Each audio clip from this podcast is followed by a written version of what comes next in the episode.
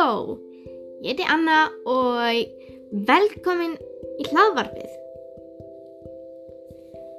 Núna ætla ég að fjalla um Fást sem er leikrit og þetta hlaðvarp er um leikrit og klassíska sögur og heitir líka klassíska aldirnar. Fást breytist og þróast í gegnum leikritið. Hann er náttúrulega uppáhalds maður Guðs vegna þess að hann vil læra meira og vita meira og það er mjög jákvæð, jákvæðu kostur og það er aðdánavert að vilja vita meira. En það sem er svolítið öðruvísi en að vilja vita, vita meira um eitthvað sérstakt þá langar hann til þess að vita meira en bækur eða nokkur maður getur sagt honum. Hann vil til dæmis vita tilgangs lífsins og gallin við það er að þetta er, eru hlutir sem eru ekki eitthvað sem mannfólk á að vita. Það eru bara æðri, æðri líf sem vita það. Til dæmis Guð og mér finnst þú félagist í þessu tilfelli. Hann hefur samt ekki gert neitt til þess að særa neitt sem margir brálega vísindamenn gera vegna þess að þeir leiðir á þessu venjulega þeir vilja uppgötu meira og þá byrjaði að gera kveiknindislegar tilraunir. En Fast var ekki þannig. Hann var bara góður og saglus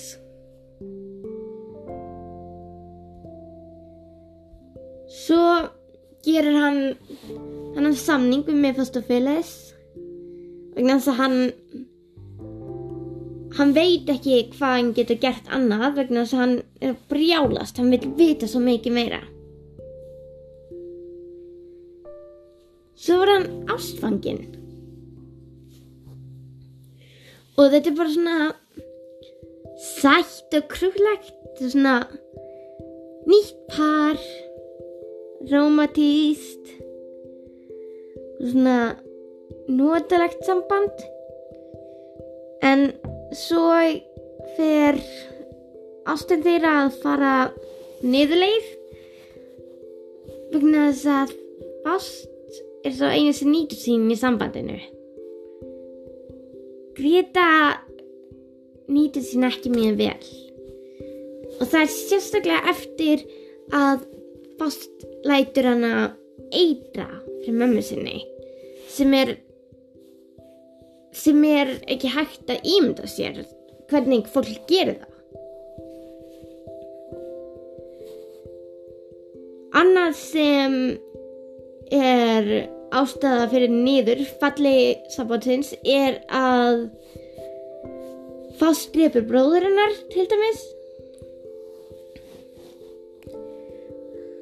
Og svo fer það alveg nýður það Fast er ekki njóta sín lengur heldur.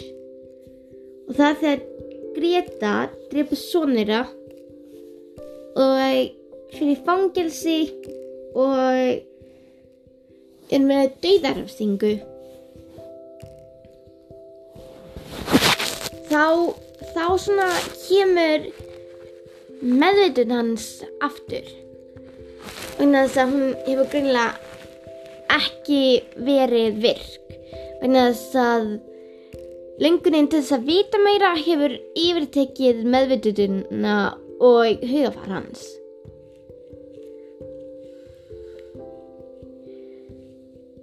Þá uppgötur hann að það sem hann hefur gert er hræðalegt og hann sér eftir því.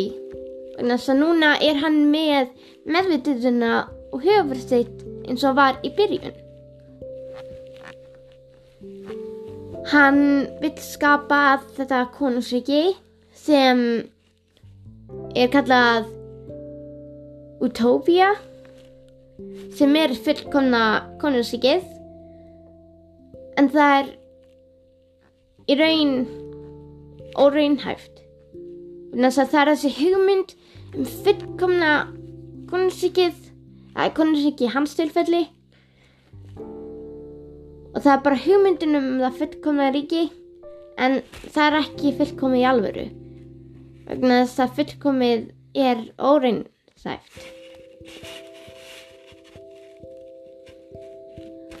Þráttur það þá býr hann samt til konungsríki sem er með jafnrætti á milli allra samt er ekki beint vitað hvort hver mikið þetta var svona fullkomið. En sálans var í rauninu að veru aldrei slæm eða vond. Það var bara að meðutun hans var falinn og var bakvið lungununa til að læra meira en um leið og meðutunin kom aftur þá þá sé, sá hann eftir þessu. Hann vissi hvað hann hefði gert. Og hann vildi reyna að rétta þetta það og bætað upp með því að skapa þetta konungsriki og vegna þess að sálinn hans verður raun aldrei ill þá fer hann til himnaríkis en ekki til Mephistopeles þar það saman gerist í Gretu það var náttúrulega hún þekkir bara að fylgja fyrirmælum og vera þessi fullkomna litla stelpa sem fylgjur þetta sem mamma sinn segir. Og svo þegar fast kemur þá er þetta eitthvað glænýtt.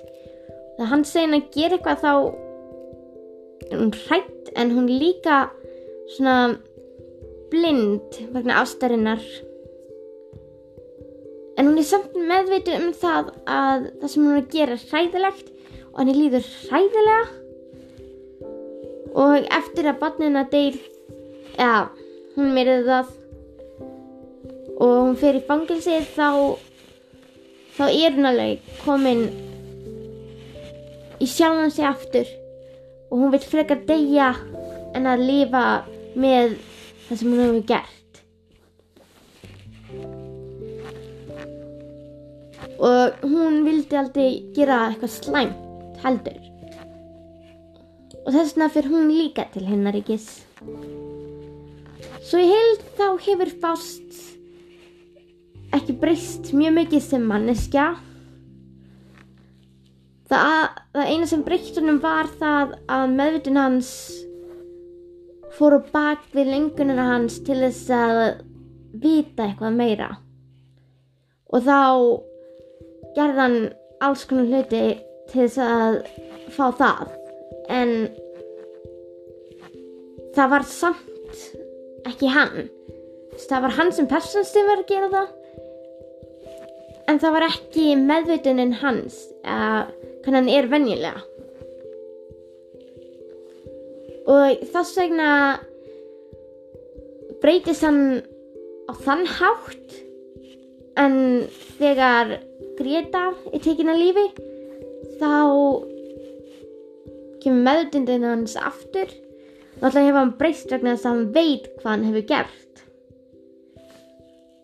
Og hann breytist þannig að hann vil bæta það og bæta líf fólks. En fyrir utan það þá breytist hann ekki mikið sem persóna nema náttúrulega þegar meðdunni hans kemur aftur og hann verður hann sjálfur en ekki í félum að bakið lengunina